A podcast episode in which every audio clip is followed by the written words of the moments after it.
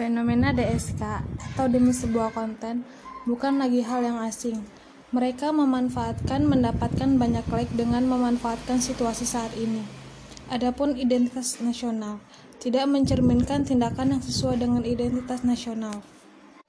Menurut saya pribadi, miris melihat kejadian seperti ini. Selain itu, masyarakat di Indonesia sendiri diketahui memiliki identitas kebangsaan yang bersumber dari nilai-nilai budaya dan agama yang diwarisi secara langsung dari nenek moyang negara tersebut. Nilai-nilai luhur yang diwarisi dari nenek moyang bangsa Indonesia ini telah merosot tanpa penyaringan terlebih dahulu akibat perkembangan zaman dan teknologi yang dianggap remeh oleh bangsa Indonesia.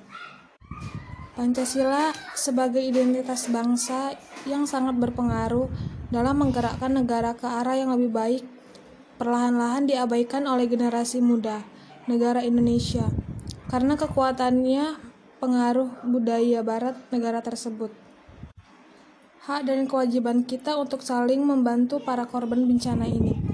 Peristiwa menyedihkan seperti itu mungkin berawal dari sikap kepala pemerintah yang memotret dirinya sendiri saat terjadi bencana dan membagikan di media sosial. Tentu saja hal ini mengundang orang lain untuk berkunjung dan berfoto, dan beberapa bentuk kepedulian mereka terhadap bencana ini.